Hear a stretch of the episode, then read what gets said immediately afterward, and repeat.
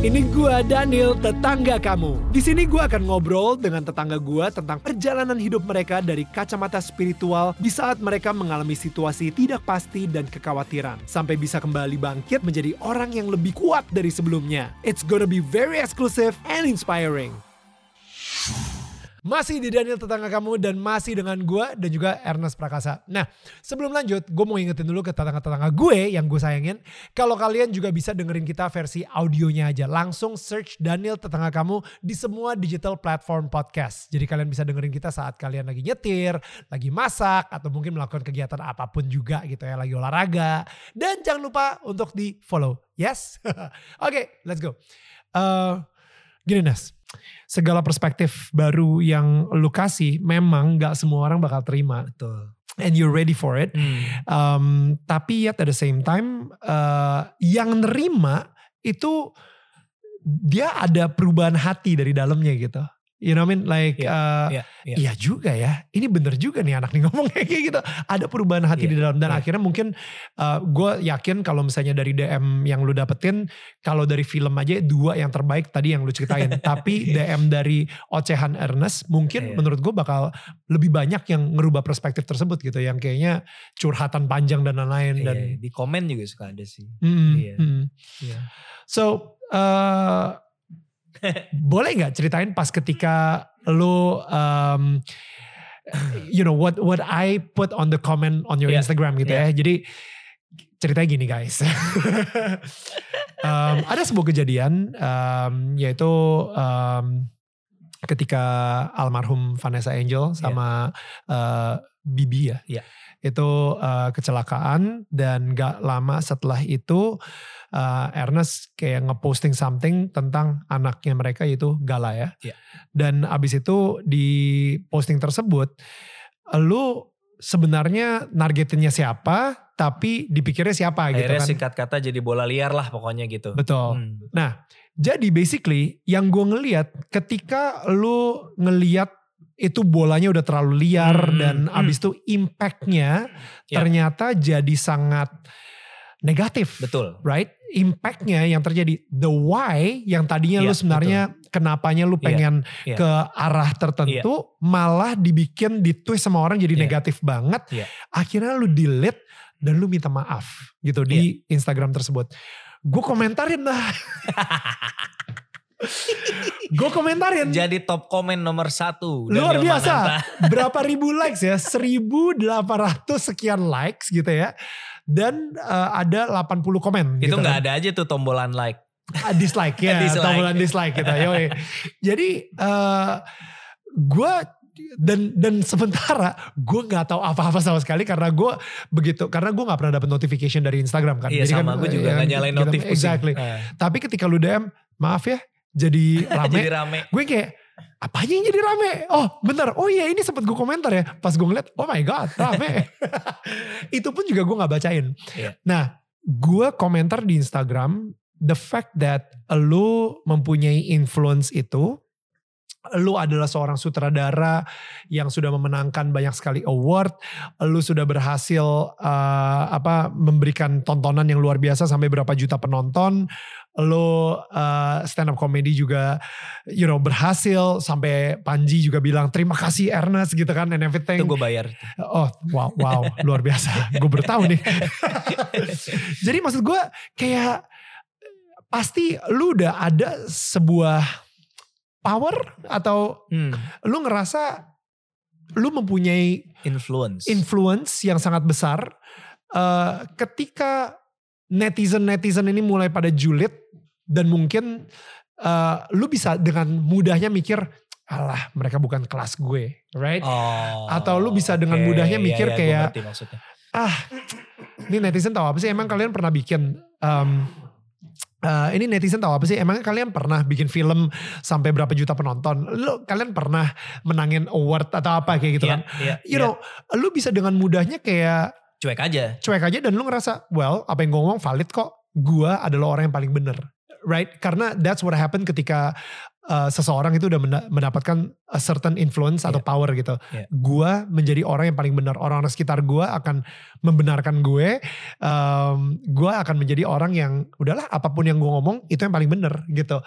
Inilah dan itu udah ego yang keluar kan. Iya. Tapi lu malah minta maaf di situ. Iya. Can you tell me like Iya. Iya. Sebenarnya alasan gue minta maaf adalah karena gue itu ya, karena gue tuh udah terbiasa untuk menghadapi komentar-komentar buruk dan makanya yang di yang video yang soal warkopi itu kan gue bilang "Eh, jangan terlalu gampang bilang oh haters haters haters gitu itu kan mem- mem- membuat kita oblivious gitu nggak nggak mau dengerin orang ini mau ngomong apa gitu Right. jadi ketika tweet gue itu jadi rame terus orang mulai backlash mulai kritik mulai protes maki-maki dan segala macem gue coba untuk baca dan eh di antara hujanan kata-kata kasar dan segala macam itu gue merasa ada juga orang-orang yang memang punya maksud baik untuk ngingetin gue gitu bahwa wow. eh apa yang lo omongin ini udah jadi terlalu jauh kemudian gue ngerasa itu jadi kan balik lagi ke why why-nya jelas ketika apa yang gue maksudkan itu sudah melenceng Hmm. dan akhirnya lebih banyak mudaratnya daripada manfaatnya Hmm. ya buat apa gitu Hmm. ya udah berarti gue salah berarti apa yang gue lakukan itu sudah membawa lebih banyak hal buruk daripada hal baik ya gue salah aja udah walaupun ya mungkin itu kan orang bisa pikir ya itu kan reaksi orang ya tetap kan sumbernya dari gue gitu Hmm. jadi gue merasa uh, tweet gue itu membawa lebih banyak keburukan daripada kebaikan ya udah gue hapus gue minta maaf untuk hal itu gitu buat gue susah nggak saat itu? susah karena ego maksud lo Ya. not the first time ya buat gue terlalu sering bermasalah Eh, it's the right thing to do lah. Maksudnya kalau lu salah ya lu minta maaf gitu. Ya syukur-syukur orang juga jadi ini ya maksudnya sedikit ngasih eh, contoh buat orang-orang yang tambeng gitu. Udah salah tapi gigih banget gitu. Ya udah. Ya salah ya minta maaf gitu. Salah ya udah salah. Karena it's all about harga diri kan. Maksudnya kayak dan habis itu lu langsung mikir kayak enggak ah gue yang paling bener. Ya karena eh, mengakui bahwa gue salah itu kan gak bikin gue jadi cacat atau hancur atau rusak. Ya it's human gitu. Hmm. Ya gue salah. Resikonya orang banyak bacot ya kayak Panji gitu. Sama sama gue. Orang kalau banyak bacot ya bisa salah gitu. Kalau ketika salah ya minta maaf gitu. Dan kita gak pernah tahu kadang-kadang apa yang kita maksudkan ke mana tiba-tiba jadi besar dan jadi lebih Hmm. banyak keributannya kan akhirnya jadi makna yang lo maksudkan di awal jadi udah jadi orang juga udah nggak tahu lagi gitu ya udahlah Hmm. gitu ya udah minta maaf aja belum pernah ya minta maaf Sering banget.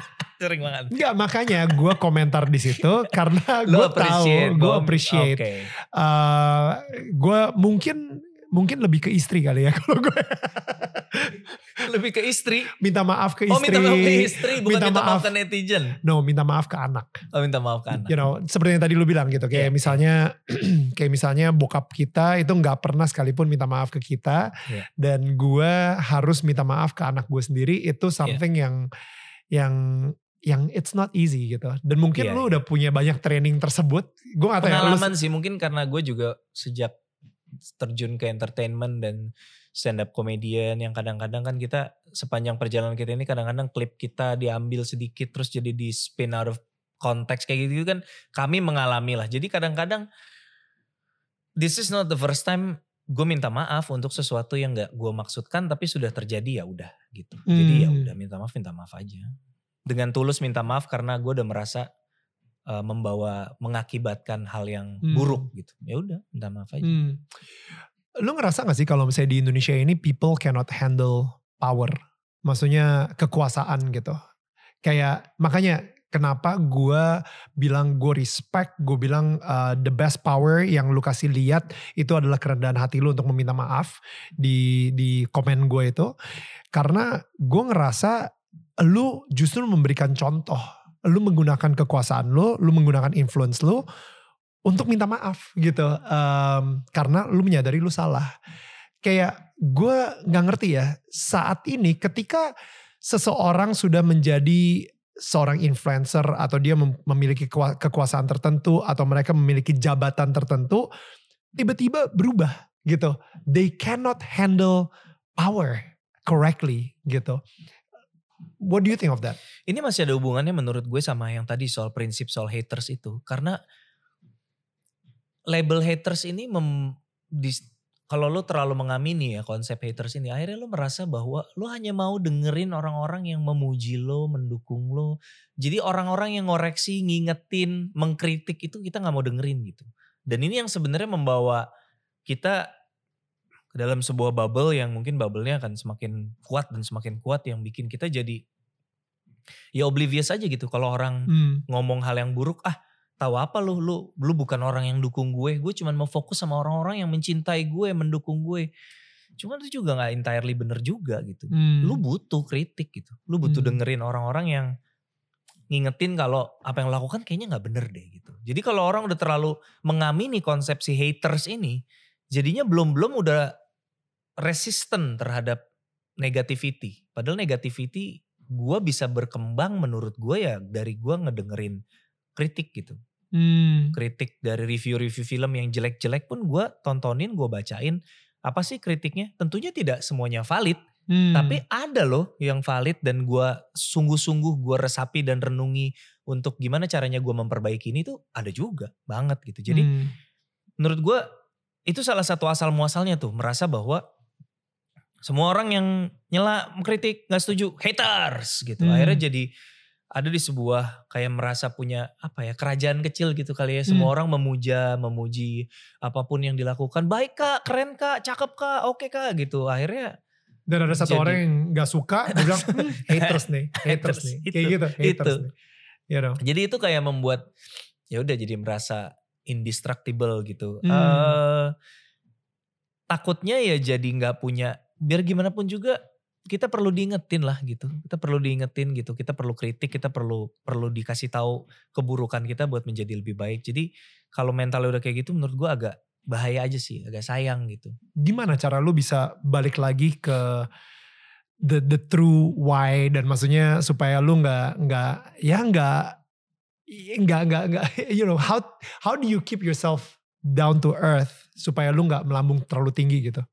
mungkin beruntungnya gue gue berprosesnya pelan-pelan kali ya. Kadang-kadang yang susah tuh kan yang viral terus dari yang nggak dikenal tiba-tiba jutaan followers itu yang kaget kan. Kaget lo tiba-tiba mentally mungkin belum ready juga gitu. Gue sih bersyukur gue berprosesnya cukup cukup natural artinya bertahap gitu blunder-blunder masalah-masalah gue dan permintaan-permintaan maaf gue juga bertahap dari mulai hal kecil sampai hal yang gede gitu Ya, ya. jadi memang bertahap aja. Jadi gue nggak nggak merasa dan balikin ke tadi itu bahwa gue dari dulu dibully gue udah merasa bahwa udahlah gue ini memang lebih inferior. Gue butuh berusaha lebih keras kayak gitu-gitu. Jadi akhirnya jadi melahirkan kayak gue yang sekarang tanpa gue berusaha untuk menjadi kayak sekarang secara conscious gitu. Gue maksud gue dari dulu ketika mengembangkan karir nggak pernah. Lu harus jadi orang yang selalu terbuka sama kritik. Lu harus jadi orang yang mau dengerin omongan-omongan jelek. Nggak pernah. Tapi Hmm. and, and naturally it develops that way somehow gitu.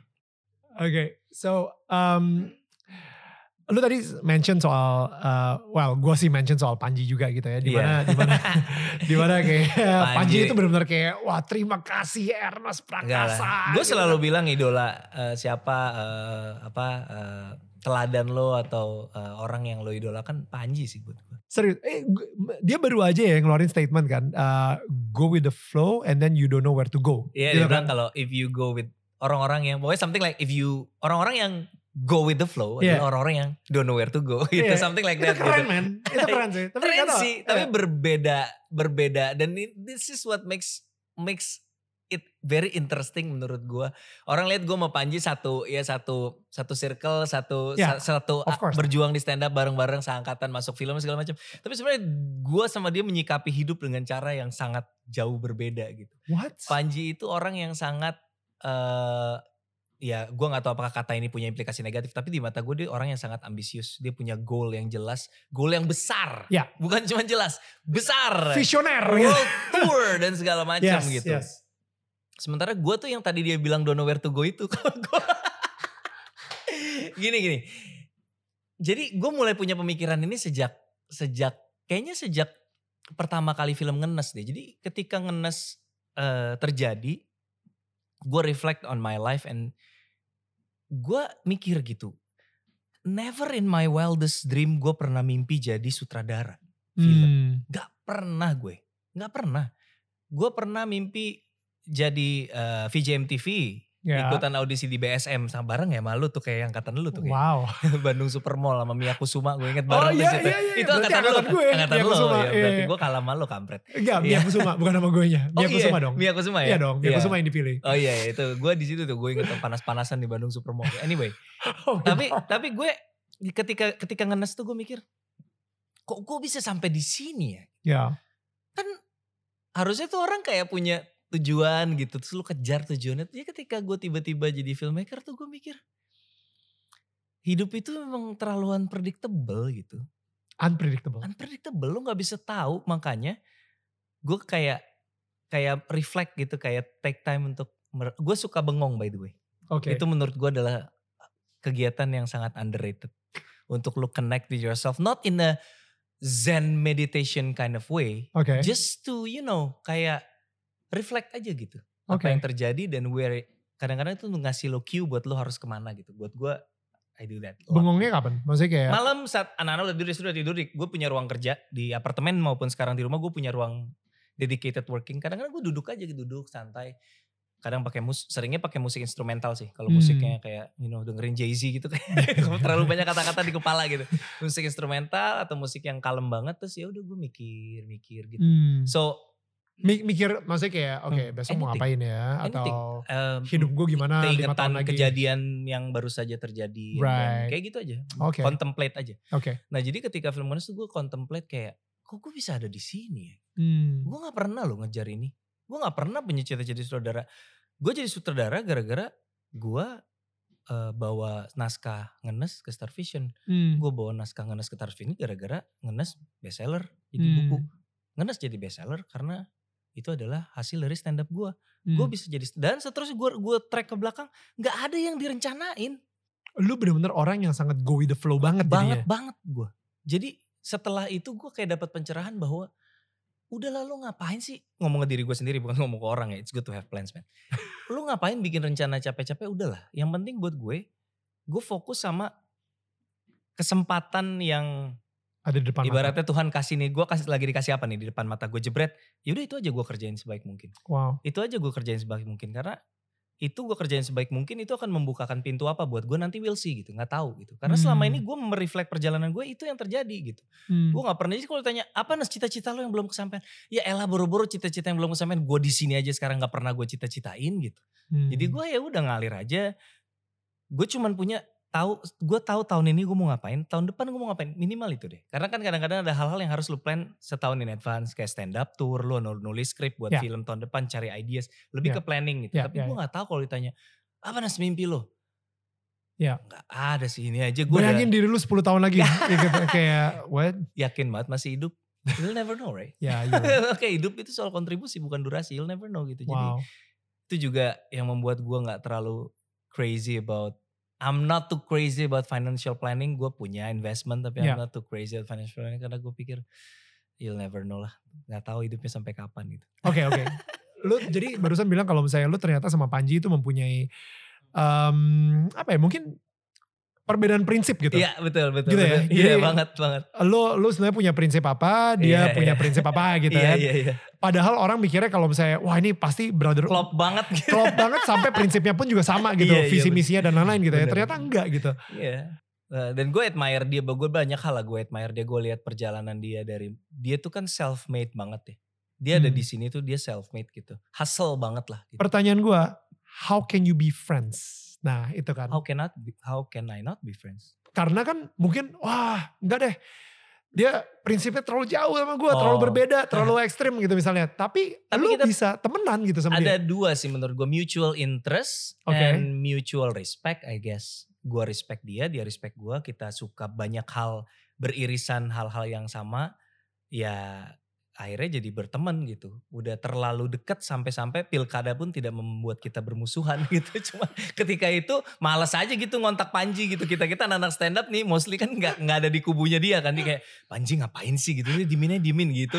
Baru setelah beres baru kita jadi ber, ber, eh, berkorespondensi lagi gitu. Itu ya maksudnya sekarang ini ya gue ngerasa ketika kita menemukan sebuah perbedaan prinsip di antara seorang sahabat atau teman atau Hmm. orang yang kita kenal atau apa pun, kita hanya fokus sama si satu perbedaan tersebut, tapi Hmm. kita nggak fokus sama sembilan kesamaan yang kita punya, Iya, iya benar. right? Dan gue ngelihat persahabatan lu sama Panji justru it's uh, di mana mungkin sembilan ketidaksamaan tapi cuma satu stand up comedy. Iya, bisa jadi sih. Satu hal lagi yang mungkin juga dia kan sa- sangat sangat sangat sering ngomongin soal passion.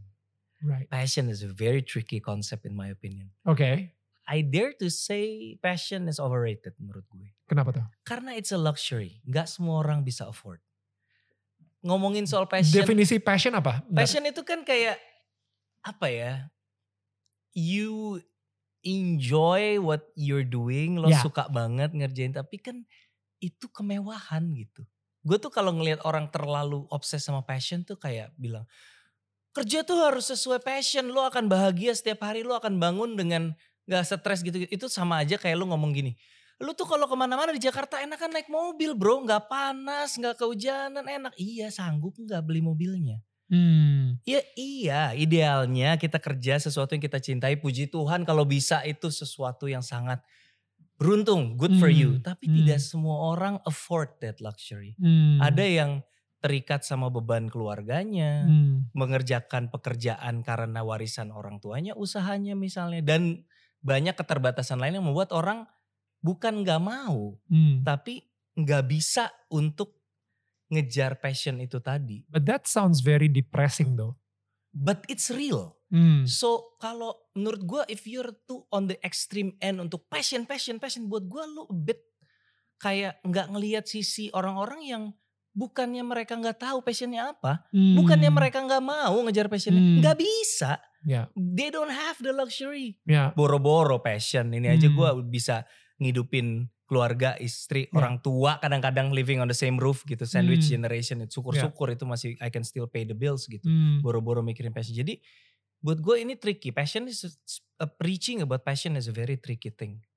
Uh, what I truly believe adalah semoga dalam skala yang lebih ringan, semoga lu bisa menemukan uh, enjoyment in what you're doing. Mungkin it's not your passion per se, Hmm. tapi kalau lu bisa nemuin purpose di situ. Hmm. Kayak misalnya gue pernah ngobrol sama temen gue, dia kerjanya ini apa uh, migas Oke. kerjanya ini eh, yang bagian screening dokumen gitu loh. Kalau Wow. misalnya orang mau bangun apa tuh dia ngecekin dokumennya. Gue pikir itu pekerjaan yang sangat membosankan gitu Ya, kayak. ya, exactly. Tapi terus dia bilang sama gue, lo tau nggak? Gue tuh selama pandemi stres. Kenapa? Gue bilang karena kalau nggak pandemi, gue tuh bisa datang ke site setelah si projectnya itu dibangun. Dan gue merasa gila ya.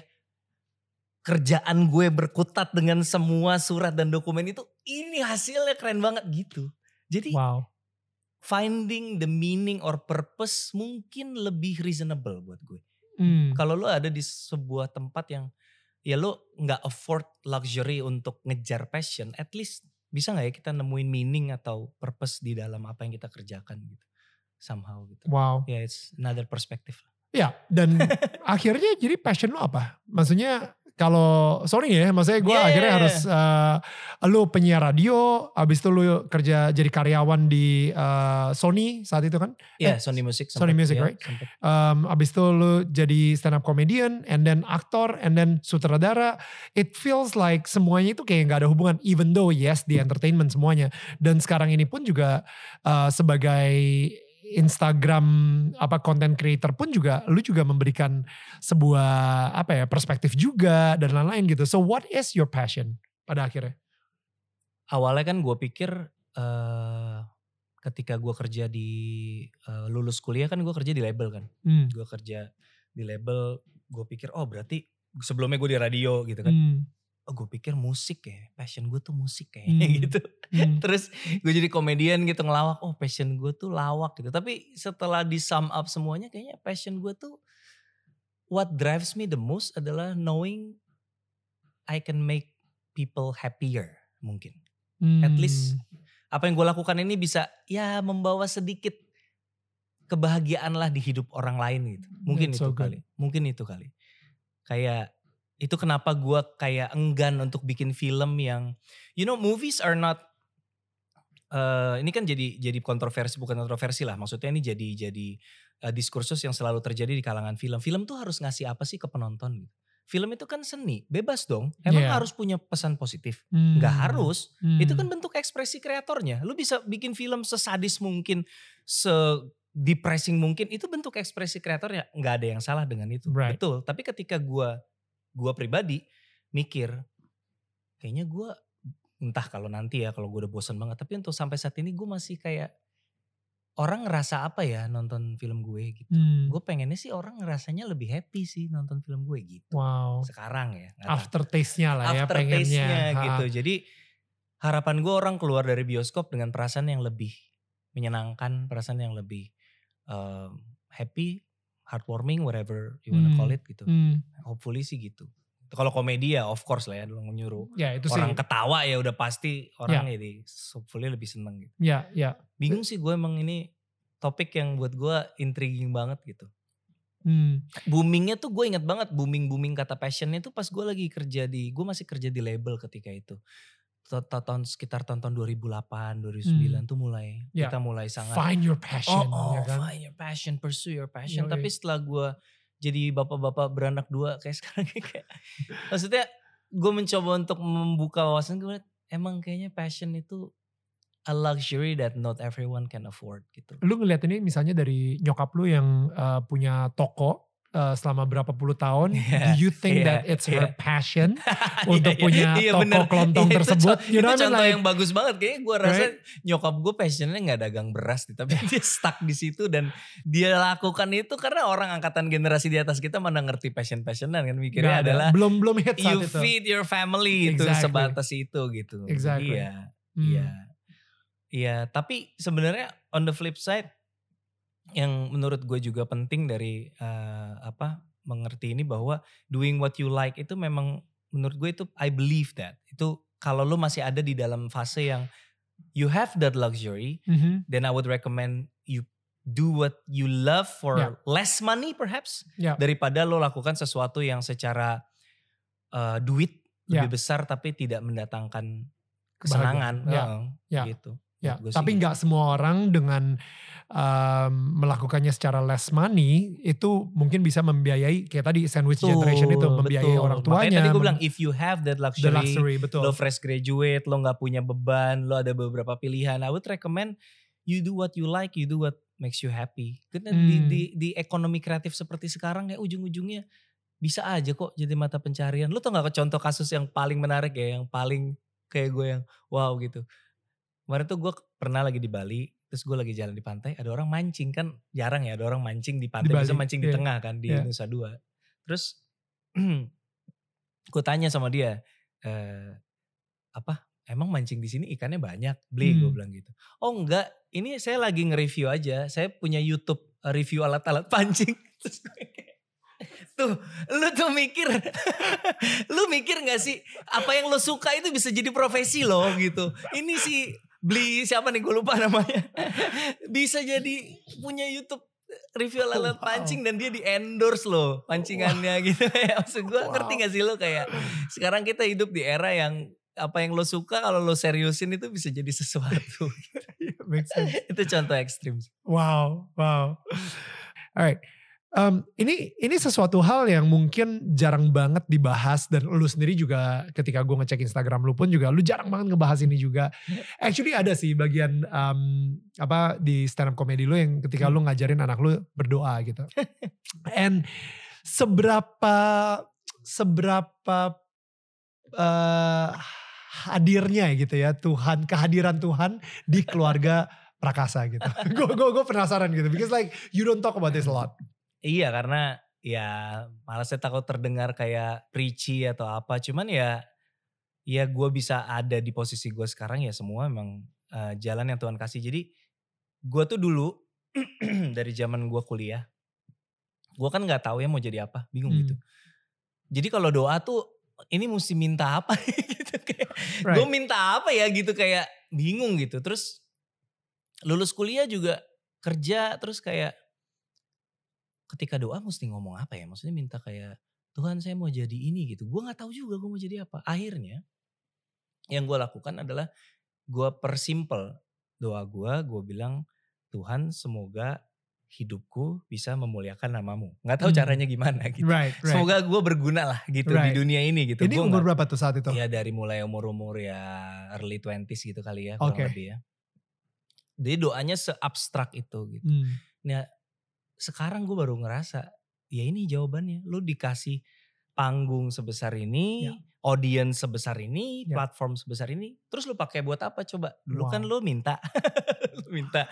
Lo penuhi nggak janji lo setelah lo minta dikasih kesempatan buat memuliakan lantas apa kalau memuliakan gitu apa kalau Hmm. menjadi batu sandungan gitu sekarang gimana Hmm. nih gitu Wow. gue sih ngerasanya gitu ya jadi kayak ada beban tanggung jawab yang makanya walaupun karya itu tidak selalu harus morally correct Ya. gitu tapi gue tetap merasakan ada beban itu minimal kalau karyanya harus menjadi berkat minimal kalau gue nggak nyampe ke situ minimal nggak jadi batu sandungan lah minimal Right. pengennya sih gitu Um, and I think I think you're you're absolutely right da- dari segi itu ya karena banyak orang justru malah terlalu ekstrim ke keagamawian gitu kan Hmm, dan hmm. akhirnya ya filmnya gak ada yang ditonton gitu Ya, karena kita tuh datang non terutama kalau film ya orang tuh nggak suka di di, di preach di di khotbahin. Oh, oh, orang tuh eh, bioskop tuh kan escape ya Dia- people mereka escape pengen they gitu. want to be entertained exactly Right. mereka pengen hiburan bukan pengen diceramahin gitu Exactly. jadi ya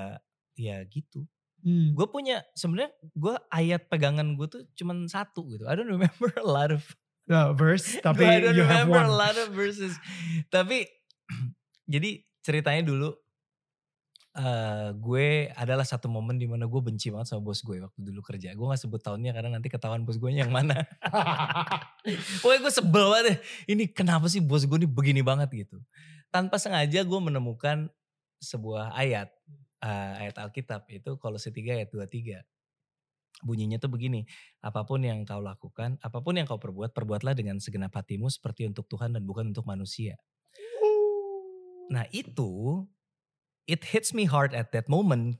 Gue jadi mikir, gue dapat pekerjaan ini, kesempatan ini, rezeki ini dari Tuhan. Hmm. Ya gue lakukanlah buat dia. Kalau ada Hmm. manusia-manusia yang gue nggak bisa senangkan, ya udah perbuatlah dengan segenap hatimu seperti untuk Tuhan dan bukan untuk manusia. Itu yang paling gue pegang sampai saat ini. Gitu. Itu Wow. yang juga ternyata klik sama prinsip gue si yang jangka pendek itu tadi gitu. Ya udah, apa yang ada di depan mata perbuatlah dengan segenap hatimu. Ya udah nanti juga kebuka lagi jalan yang lain kita ngikut aja, kita ngalir aja gitu. Gue tuh ngebayangin kayak hidup gue tuh kayak kalau dianalogin mungkin kayak gue nyasar di hutan gitu tapi gue nggak punya peta jadi gue cuma punya center lah sama mungkin golok buat nyabit nyabit gitu jadi gue cuma bisa lihat Ya. yang jarak dekat aja gitu satu Oke, meter ke depan Ah, ya. satu Iya, meter dua meter oke ini ah, ini kayak jalan ini nih oke Ah. oke di depan ada ada telaga gue bisa ambil minum di situ gitu Right. aja gitu jalan aja gitu jadi nggak pernah kayak punya blueprint Ernest Prakasa di usia 40 50 60 gitu nggak nggak ada And itu yang membuat lo akan selalu berpegangan terus sama Tuhan sih. Kayak dan dan gue ngelihat kayak ya, apa ya? eh gue bisa ngerasain sih bro. Jadi oke pertama itu sangat membebaskan banget dari segala macam ekspektasi karena Hmm, hmm. lo eh, ketika membuat sebuah karya dan lo membuatnya bukan untuk bos di dunia ini, Iya. bukan untuk penonton di dunia ini atau bukan buat eh, kredit atau pujian atau apa pun, tapi lu buatnya buat Tuhan. Hmm. Gue ngerasain sih kalau misalnya ya udah gagal atau suksesnya Hmm. itu juga yang nentuin Tuhan bukan Iya. bukan penonton atau bukan eh, you know bos Iya. dan lain-lain gitu ya. And I think itu kayak mem- apa ya live- liberating ya liberating Hmm. banget gitu menurut Iya, gue. Ya, serius banget sih ini gimana? enggak emang kayak ada gitu. yang mau nonton nih? Iya, biasanya kayak gitu. Biasanya yang biasanya konten yang kayak gini malah jadi TikTok habis bisa disebarin. gitu ya? Iya iya iya. Oke. Iya, iya, tapi tapi gue juga personally gue sendiri juga sama kayak lu dari segi kayak nggak ngerencanain dulu jujur gue sering banget punya uh, New Year's resolution Oh. gue pengen uh, punya perencanaan seperti ini ini ini, ya, ini dan Februari lah paling itu. iya bro Enggak, tapi yang lebih menariknya lagi, gue ngerasa kayak ketika gue udah ada, kayak tadi tuh yang gue Ah. bilang tuh, apa yang kesempatan diberikan Iya. sama Tuhan, itu gue kerjain secara excellent gitu ya. Em, dan resultnya itu biar gue kasih Tuhan aja lah ya gitu. Iya. Itu em, malah bikin gue jadi nggak punya em, visi 10 tahun ke depan atau lima tahun ke depan tersebut karena gue ngerasa wow uh, dengan gue kayak berserah gini sama Tuhan kejutan apa lagi yang bakal gue dapetin gitu dari Iya. Tuhan kayak lu tadi bilang lu nggak ngira kalau misalnya lu bisa jadi sutradara gitu dan tiba-tiba dikejutin aja dengan dengan hal tersebut Iya dan gue gue bersyukur banget karena dari dulu gue nggak punya kesulitan untuk bersyukur. Dari gue nikah, abis nikah gue tinggal di kos-kosan, kamar mandinya di luar lagi, pengantin baru kamar mandi di luar, sian banget ya. gue abis nikah ngekos kamar mandi luar, tinggal gue mondar mandir kamar teman gue pada ngeliatin.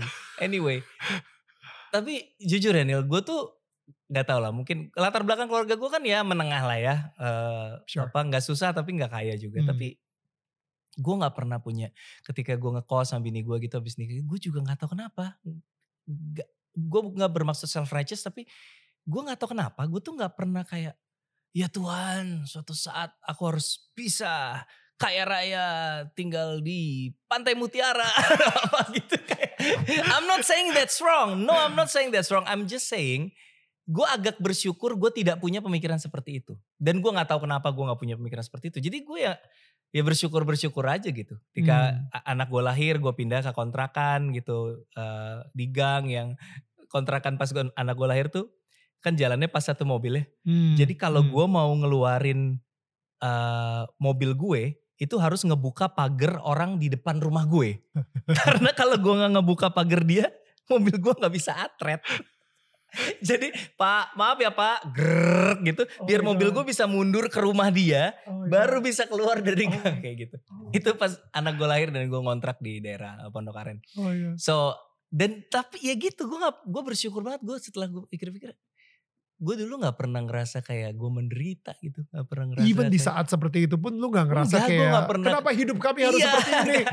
kenapa iya gue nggak pernah gue nggak pernah ngerasa kayak Lu gak aku pernah. ingin kaya enggak sih makanya lu tadi gue berarti gak pernah merasa sebagai korban di hidup ini gitu. gue merasa selalu diberkati dan punya banyak hal yang patut disyukuri gitu. Nggak tahu tapi kenapa? Jangan ditanya kenapa ya. Tapi ya semoga semoga sih semoga bisa teman-teman juga bisa punya mindset itu ya. Karena menurut gue sangat istilah liberating tuh pas sih menurut gue kayak kalau lu bersyukur tuh kayak ya udah lu nggak stres gitu. Ya lu apa adanya lo sekarang ya udah banyak hal yang bisa disyukurin kok gitu. Kayak daripada instead of lu lihat aduh gila temen gue udah punya ini, aduh gila dia udah gini, dia udah ngebandingin, gini, comparison ngebandingin. trap Ah. gitu. Ha. Eh, Maksud Gitu gue, lu sendiri juga gak pernah punya kayak eh, apa? Ya, of course orang bi- bilang kayak lu ngebandingin untuk supaya lu lebih maju. Tapi Iya. pada saat yang bersamaan itu uh, double side of the coin juga gitu ya di mana ketika lu ngebandingin lu tiba-tiba ngerasa ada satu hati lu yang kok bukan gue di situ gitu kan Hmm. dan lu mulai marah sama Tuhan juga tuh di situ lu yang kayak Tuhan kenapa Bitter berkatnya iya kenapa berkatnya ke dia padahal yang yang rajin doa kan gue Enggak sih enggak. Ya rezeki orang beda-beda aja udah. Rezeki orang beda-beda. Rezeki gue segini ya udah. Ya puji Tuhan sekarang udah jauh lebih. Jauh lah. Jauh lebih eh, punya daripada posisi gue Right. 10 tahun lalu gitu. Tapi ya. Ya beratus-ratus juta rupiah yang lalu pun gue gak pernah ngerasa kurang gitu.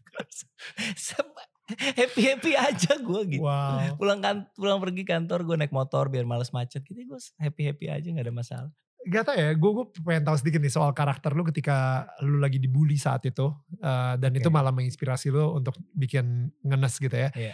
Em, lu pernah dendam gak sama orang-orang yang ngebully lu? Dan mungkin ngenes itu menjadi salah satu bukti bahwa lihat loh gitu kan ya Oke. kayak nih gue udah sukses sekarang lu sekarang ada di mana karya apa ya gue terkenal gue you know whatever gitu kan jadi kayak. Like when was the um, Oke. transition sampai akhirnya lo kayak enggak lah gue Oke. maafin dan gue nggak pengen kerjain sesuatu dari kepahitan di hati gue gitu. Oke. Jadi bicara soal kepahitan ya. Sepahit apa nih ya gue kasih tau sama lo. Sepahit apa dan sedendam apa gue sama uh, pengalaman-pengalaman buruk gue dibully sebagai Cina di uh, Jakarta ketika gue remaja. Gue itu ketika gue udah beranjak dewasa lah katakanlah gue ketika gue balik ke Jakarta setelah gue lulus kuliah dan gue udah mulai kerja. Gue tuh paling alergi banget dipanggil koh di tempat umum. Iya. Barusan gue ngomong, gue juga alergi banget sama Ben- benci banget gue. Gue juga. Benci banget gue. Sama.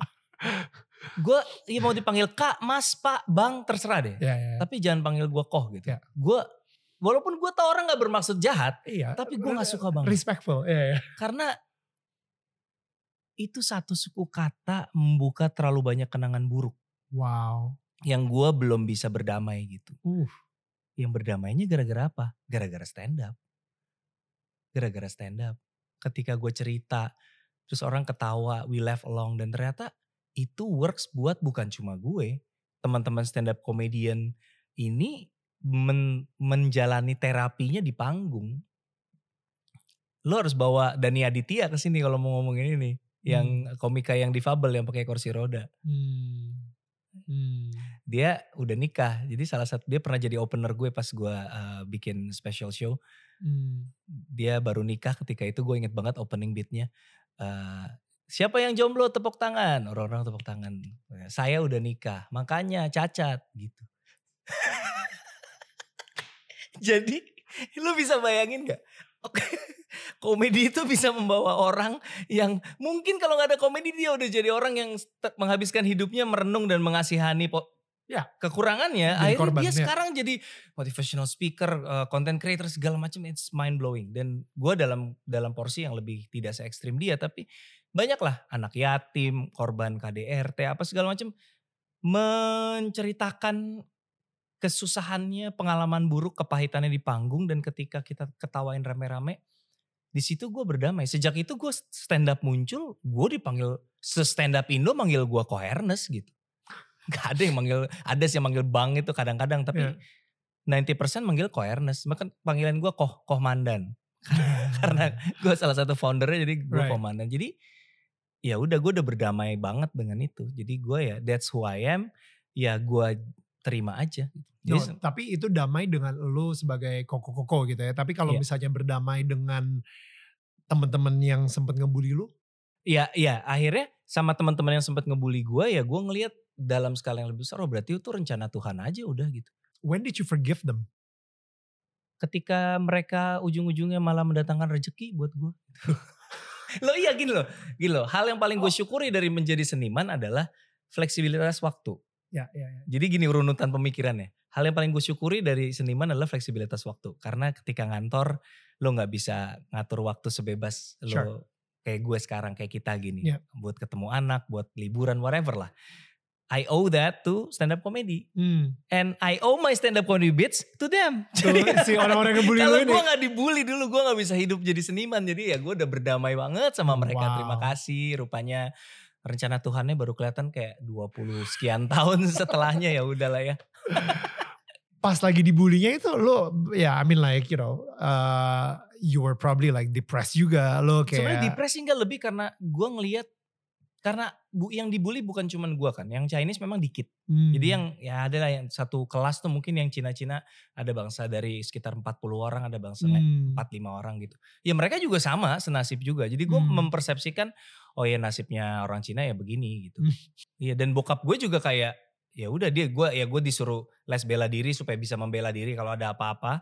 Eh yang akhirnya malah gue karena namanya anak SD suruh belajar bela diri. Temen gue pas Jadi lagi jam olahraga gue diajarinnya judo. Karena judo itu kan lu self defense lo nggak Right. attack gitu loh. Iya, gue iya, diajarin judo lagi jam olahraga temen gue gue banting retak tulangnya di sini. Malah nyolot. bercanda kayak eh, eh, eh, brak gitu kayak habis ini retak. Dipanggil orang tua ke sekolah. So anyway ya bokap gue juga ngerasa ya udah jalanin aja gitu ya udah. Hmm.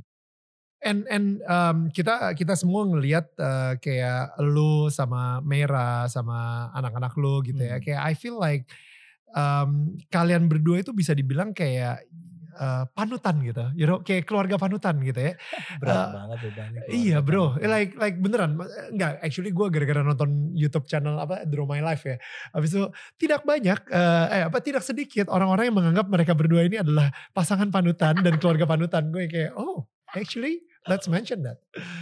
Um, so I'm just wondering um, di pernikahan lu sendiri gitu ya, kayak how do you keep it sampai sekarang ini udah 15 tahun, hampir 15 tahun? Eh, tahun ini 17 My goodness. eh sorry 2007, 14 maaf. Iya betul. Ya. Tahun depan 15. Hampir Tahuan 15 dia tahun, daripada ya kan? gue. Sorry sayang, 14. Nikahnya 2007. Berarti tahun ini 14. Gue kenapa jadi 7, 17 sorry. Iya, Ya. iya, iya, 14 oke. tahun betul. Uh, and it's it's um yeah like how is that like lu menjadi seorang suami, lu menjadi seorang ayah uh, Gue bingung kalau ditanyain soal ini beneran. Maksudnya gue juga nggak ngerti ya emang kenapa gue bisa bisa klop gitu. Maksudnya yang akhirnya gue hanya bisa share ke teman-teman yang younger, yang lebih muda dan mungkin belum menikah adalah cari pasangan itu bukan yang cakep tapi yang cocok gitu. Cocok itu indikatornya kan gampang kayak lu nonton film bareng bisa ngetawain hal yang sama gak sih misalnya. hmm, Ya lu misalnya sama-sama suka musik gak sih? Lu bisa ngobrol berjam-jam nyambung gak sih? Gitu. hmm, Lo ketawa dia ketawa nggak? Kalau dia ketawa menurut lu itu aneh nggak? Misalnya hal kayak gitu kan kayak jadi indikator kayaknya nggak cocok deh misalnya. Gitu. right.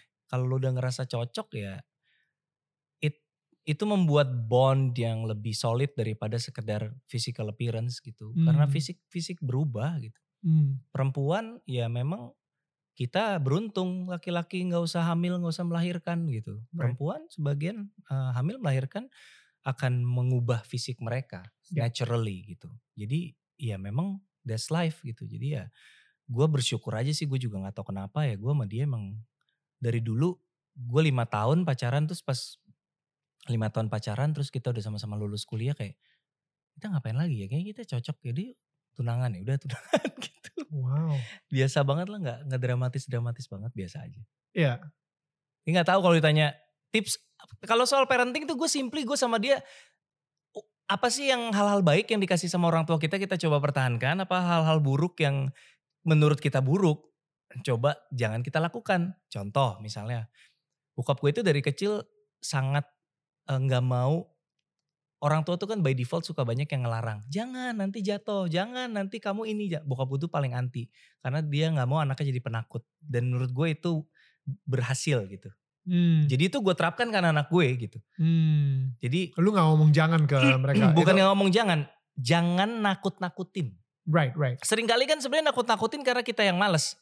Anak manjat, kita lagi main IG, aduh, nah jangan ntar jatuh nak, gitu. Ntar Hmm. papa lagi komen di ini nih. Misalnya gitu, lu lagi mager, anak lo manjat kayak nanti jatuh nah, tapi kan sebenarnya belum tentu. Jadi yang harus dilakukan dijagain supaya jangan jatuh sebenarnya gitu. Right, Jadi gue right. coba untuk jangan kebanyakan ngelarang dan ternyata setelah gue menjalani jangan kebanyakan ngelarang itu efek bonus yang gue rasakan adalah menurut pengalaman gue semoga nggak salah nih ya kalau ada psikolog anak kalau lu jarang ngelarang sekalinya dilarang nurut karena lu nggak banyak Hmm. ngasih larangan kalau ini dilarang itu dilarang itu dilarang ya lama-lama pasti akan jiwa memberontak lah gitu Right. Hmm. Jadi misalnya anak-anak gue gitu eh, mau nonton eh, nonton YouTube atau Netflix sambil makan misalnya. Hmm. Gue hanya izinin hari Sabtu doang. Hmm. Jadi ketika dia lagi ada di rumah orang tua gue yang Hmm. tidak ada yang mengawasi juga Ya, ya. gitu. Ya. Jadi kalau misalnya ditawarin sama adik gue atau sama nyokap gue gitu, eh mau sambil nonton gak makan ya enggak, nggak boleh ini bukan hari Sabtu gitu. Padahal gue Wow. juga nggak ada di situ gitu. Wow. Ya kayak gitu gitu karena ya nggak gue nggak memberikan banyak larangan. Jadi sekalinya ada larangan maka mereka akan honor that. Wow. gitu. Wow. gitu. Kayak dikasih permen misalnya. Permen itu kan buat gue barang yang sangat tidak berguna ya. Jadi ya bolehlah makan permen jangan banyak banyak gitu. Kadang tuh telepon gue apa permennya boleh dua nggak? Aku lagi di rumah. Opa permennya boleh dua nggak? Kayak gitu gitu hal-hal konyol gitu loh. Eh ya kayak gitu My gitulah goodness. jadi kalau tidak sering dilarang ketika dilarang harusnya sih lebih lebih nurut dan sebaliknya hal yang dulu dilakukan terhadap gue dan pengen tidak gue teruskan adalah ketika uh, gue besar adik gue selisihnya empat tahunan di bawah gue Hmm. itu kalau ada masalah selalu apa-apa tuh udah ngalah aja sama adik udah Hmm. ngalah aja sama adik Right. gue tuh sebel banget tuh kayak nggak fair dong lu harus Yeah. review case by case bro nggak usah di- sering juga dia yang salah gue selalu di udah ngalah aja sama Hmm. akhirnya anak gue beda lima tahun ya gue nggak nggak ngepush supaya si kakak selalu Harus ngalah. nggak bisa Kalau Hmm. adenya salah, adenya harus minta maaf gitu. Wow. Ya kayak gitulah. Ya ya ya ya. Seru men. But parenting is it's uh, it's a it's a real badge of honor sebenarnya menurut gue. Makanya gue nggak pernah kritik, nggak pernah nyerang orang yang nggak mau punya anak. Karena buat gue, it's a, itu tanggung jawab dan komitmen yang luar biasa. Dan kalau ada orang yang mikir, it's not for me, gue tuh bisa ngerti banget gitu. Maksudnya Hmm, yang penting buat gue emang udah kesepakatan aja sama pasangan gitu. Ada Ya. lebih dari satu kok teman-teman gue yang nggak mau punya anak tapi udah janjian. Sejak hmm, sebelum menikah memang sepaham gitu. Kita nggak usah hmm. punya anak lah kita Ya. Evan aja gitu. Dan akhirnya ya mereka Ya. ya, gitu, gitu. Ada juga yang awalnya nggak mau, akhirnya jadi Akhirnya mau. jadi iya, ada jadi juga punya kayak gitu kan. akhirnya pengen Ah. punya gitu. Cuman ya whatever yang penting kesepakatan sih menurut gue. Ya, personally ya menurut gue, uh, I think ke- setelah gue menjadi seorang ayah, um, gue sendiri secara karakter akhirnya berubah juga sih, Iya, gitu. iya, Dan uh, to be honest, maksudnya untuk untuk menjadi orang yang lebih sabar, menjadi Iya, orang yang lebih, uh, ya apa kan niru ya soalnya kalau lo marah lo apa Itu, langsung ditiru, diungkit-ungkit. itu dan gue tahu banget apa yang gue lakuin akan mereka lakuin juga gitu jadi kayak kayak dan dan itu apa sama sep- seperti misalnya em, ketika gue harus berhadapan dengan let's say netizen yang tadi itu yang Iya. kita omongin eh, kenapa akhirnya gue bisa minta maaf juga sama orang Iya, umum iya, gitu iya. karena gue sendiri harus bisa minta maaf dulu sama anak gue sendiri gitu ya Iya. Anyway, terakhir pertanyaan terakhir, sorry sorry pertanyaan terakhir. So now, looking back di tahun 2021 sama tahun 2020, hey man, you know what? Um, kita harus benar-benar celebrate sedikit nih ya, karena menurut gua gak gampang untuk melewati pandemi ini di tahun 2020 dan 2021, and yet here we are, um, sebentar lagi 2022 gitu, dan gue ngerasa kayak apa hal yang lu value banget di tahun 2021 ini? Atau mungkin apa pelajaran baru yang lu dapetin di tahun 2021 ini? Hmm. Sebelum kita masuk ke 2022 gitu kan. Pelajarannya to be honest 2021 ini makin makin meneguhkan prinsip gue tadi bahwa life is too unpredictable itu sih to be honest. Ya. Jadi gue jadi makin merasa bahwa prinsip gue untuk tidak punya rencana jangka panjang dan fokus sama apa yang di depan mata itu berarti nggak salah-salah banget karena ternyata lo memang Wow. hidup itu se-unpredictable itu gitu sih. Jadi kayak bukan pelajaran gue jadi sesuatu yang berubah tapi malah meneguhkan prinsip gue jadi Wow. Ya, ya, ya. Bener-bener. gitu kalau gue gitu. Meneguh, meneguhkan pelajaran yang lu udah mengerti dari dulu gitu kan. So, iya betul ya. meneguhkan bahwa kayaknya gue nggak salah berarti prinsip gue. Oke baik. lanjutkan. 2022, bring it Here I on. come. Mengalir saja. Dan lu tapi udah ada rencana untuk bikin film lagi nih 2022? Of course ada karena film kalau tahun depan udah harus gue plan dari sekarang gitu. Oke, oke. So setelah teka-teki tika berarti uh, ada lah. nextnya ya. Wow, I cannot wait. Oke. Um, gue selalu menunggu setiap karya lo Hmm. dan uh, gue akan nonton teka-teki tika by the way Oh. because uh, I'm a huge fan of your of your art gitu. Bro, I just wanna wrap this up. Thank you so much. Likewise. Uh, gue appreciate your time. Yeah. Um, uh, dan ngobrol-ngobrol di sini menjadi tetangga yang baik gitu. Padahal kita beneran tetanggaan, Tetangga beneran. ya kan? Tapi rumahnya. lo harus jauh-jauh ke daerah utara ya, ke Iya. daerah eh, apa eh, mayoritasnya kita. Iya. Home base ini home base. Partai kandang ini kalau bola nih partai kandang ini. Di sini. Ini daerah Crazy Rich ada ngerasain daerah Crazy Rich. Thank you so much for coming all the way. Iya. And uh, guys, buat tetangga yang lagi nonton, gue pengen bilang thank you banget kalian udah nonton dari awal sampai selesai uh, perjalanan hidupnya Ernest Prakasa dan I think uh, banyak asli gue sendiri banyak banget pelajaran-pelajaran yang bisa gue ambil juga dari kehidupannya Ernest and um, ya yeah, I think ya itu sih yang gue dapetin banget gitu ya just um, remember your why? Kayak lu ngerti banget kenapanya lu gitu ya why why you do things why you have your um, platform dipercayakan ke lu dan lain-lain dan ketika udah dipercayakan di depan mata lu do it with excellent spirit gitu dan I think uh, itu mungkin bisa dibilang kayak rahasia kesuksesan lu banget sih sampai hari ini gitu bro Mungkin ya. mungkin ya. ya. Anyway, Um, kalau misalnya lu ngerasa ada hal-hal yang kena banget di hati lu dan lu pengen uh, nge-share ini atau lu pengen nge-quote ini, jangan lupa untuk mention kita di Instagram di @danielmanasri Mananta Network atau di at Ernest Prakasa juga. And of course, please share this video. Dan yang pastinya gue pengen minta kalian sekarang, gue ngerti suka banget kalian untuk nonton, tapi please subscribe juga. Karena subscribe kalian itu akan memberikan kita semangat dan uh, boost energi untuk memberikan kalian konten-konten yang semakin membuat kalian feel good and feel God. Dan kita terus bisa nge-spread value-value kita yang kita bicarakan di sini untuk bisa merambah ke orang-orang dan menjangkau ke orang-orang lebih banyak lagi. Kalau misalnya kalian lebih suka dengerin versi audionya, jangan lupa untuk follow podcast kita karena uh, kita sudah ada di digital platform podcast. Daniel tetangga kamu tinggal di search aja keywordnya. Guys, again, um, sebentar lagi tahun 2022 dan gue ngerasain banget kalau misalnya ada satu hal yang pengen lu rubah kedisiplinan lo di tahun 2021, apa sih di tahun 2022? Mungkin ini adalah salah satunya. Bisa terus setiap hari mendengarkan podcast yang bermanfaat, memberikan kalian uh, feeling untuk lebih positif, bisa memberikan kalian terinspirasi juga dan me, mendekatkan kalian juga dengan Tuhan. To always make you feel good and feel God. Mungkin itu bisa menjadi sebuah resolusi di tahun 2022. But anyway, uh, I wish you guys to have the best New Year di tahun 2022 ini. And Happy New Year guys. Have fun tonight. Don't drink too much. Dan yang pastinya uh, seperti yang selalu kita bilang, you know, be mindful sama tetangga-tetangga di sekitar kita ketika kita lagi merayakan tahun baru tahun 2022 ini. Karena apa? Karena kita sebagai tetangga selalu saling menyangga, bukan menyanggah. See you guys. Thank you so much guys sudah mendengarkan podcast Daniel Tetangga Kamu. Dan jangan lupa di follow podcastnya dan share ke sosial media kalian menggunakan hashtag Daniel Tetangga Kamu. Sebisa mungkin gue akan repost keseruan kalian ketika lagi mendengarkan podcast ini. Kalian juga bisa menyaksikan Daniel Tetangga Kamu setiap hari jam 4 sore waktu Indonesia bagian Barat di channel YouTube Daniel Mananta Network. Karena setiap minggunya akan ada sosok-sosok inspiratif yang akan menceritakan perjalanan hidup mereka dan hubungan mereka dengan Tuhan. Sampai ketemu minggu depan.